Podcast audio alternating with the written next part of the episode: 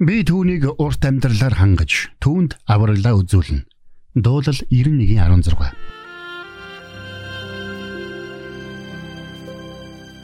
Мэргэний сонсог мэдлэгэд хэлэг.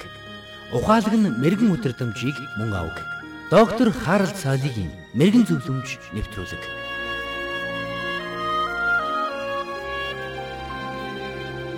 Миний сууж явсан Boeing 747 онгоц Филиппинээс хаваа орох замын тэхий дунд нь явж байлаа хэмээн Джон Паул бичжээ.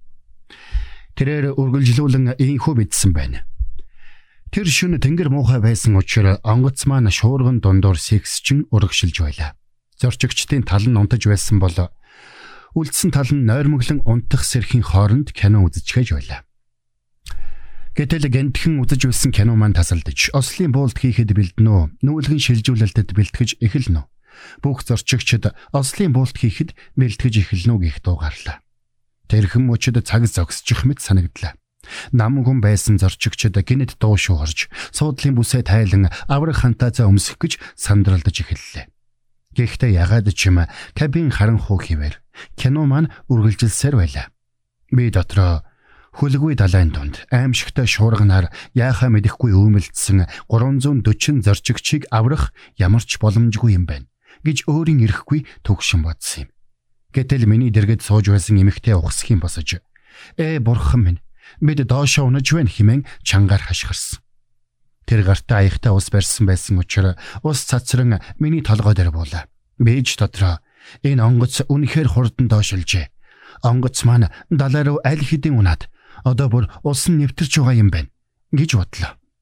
Гэтэл гэнтхэн кабины гэрэл асаж онгоцны ахмад радиогоор та бүхнээсээ хүлцэл өчөө. Манай Ослын буултын бичигчид эвдрэл гарсан учраас та бүхнийг сандрахсан байна. Айж сандрах зүйл үгүй. Бүх зүйл хэвэн байна хэмээн хэлсэн бэлээ. Джон Паул тэрхэн мөчөд өвхөл амьдралын зааг дээр очиод ирсэн мэт болсон тухайга дурссан байдаг. Тэгээд айх аюулгүй болсноо мэдсэн зарчигчд эргээд юу ч болоогүй юм шиг киногоо үзэцгээж эхэлсэн гэдэг. Үнэн дээр бидний ихэнх нь үхэлдээ ямар ойрхон байдгийг огт анзаардаггүй. Гэвч уухтай бол бидний амнаас зүрхний ганцхан цохилт дээр тогтож байдаг юм шүү дээ. Саяхан би зүрхний шигдээснээс болоод хэвтэрт орсон найзыгаа асарч орныхон дэргэд олон цагийг өнгөрүүлсэн юм. Найзын маань зүрхний химийг илэрхийлэх ногоон зураас бүхий дэлгэцийг харж суухтай би.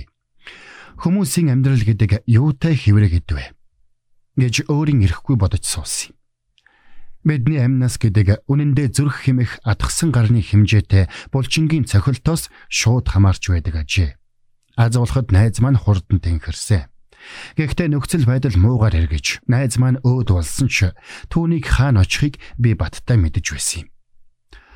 Одоогоос 2000 жилийн тэртет эзэн Есүс ч бас үхэл амьдралын зааг дээр очиж байсан юм. Ромын цэргүүд түүнийг модон загалмайд хадаад газраас дээш өргөсөн. Тэнхүү модон загалмай тэр Есүс амьсгал хураасан. Тэгээд тэд Есүсийн шарилыг хадан булшинд тавиад бүх зүйл дууслаа гэж бодсон. Гэвч 3 хоногийн дараа Есүс үхлээс амилсан. Учир нь үхэл түүнийг барьж дийлээгүй.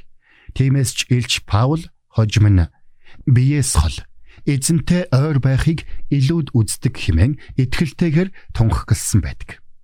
Гэхдээ бурхан бидэнд авралыг өгсөн гэдэг нь энэ дэлхий дээр байгаа хүмүүр автоматар аврагдана гэсэн үг биш юм. Тэр утгаараа дээр эргэцсэн Boeing 747 хэрвээ үнэхээр осолдсон бол тэнд байсан хүмүүс бүгд аврагдана гэсэн үг биш юм. Харин Есүс Христэд итгэж Бурхны авралын бэлгийг хүлээн авсан хүмүүст л энэ аврал хамаатай юм. Тийм ч учраас Элч Йохан бичгтээ. Хүүд итгэдэг нь мөн хамтай. Харин хүүд дуулгаргүй нь мөн хамиг эс үзэх бөгөөд Бурхны уур хилэн түүн дээр оршино.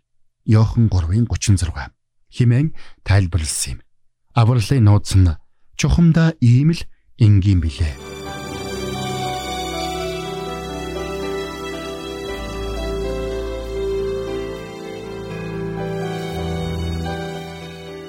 Мэргэн нэгнийг дагуул мэргэн, мулгуутай нөхөрлөл хорлол.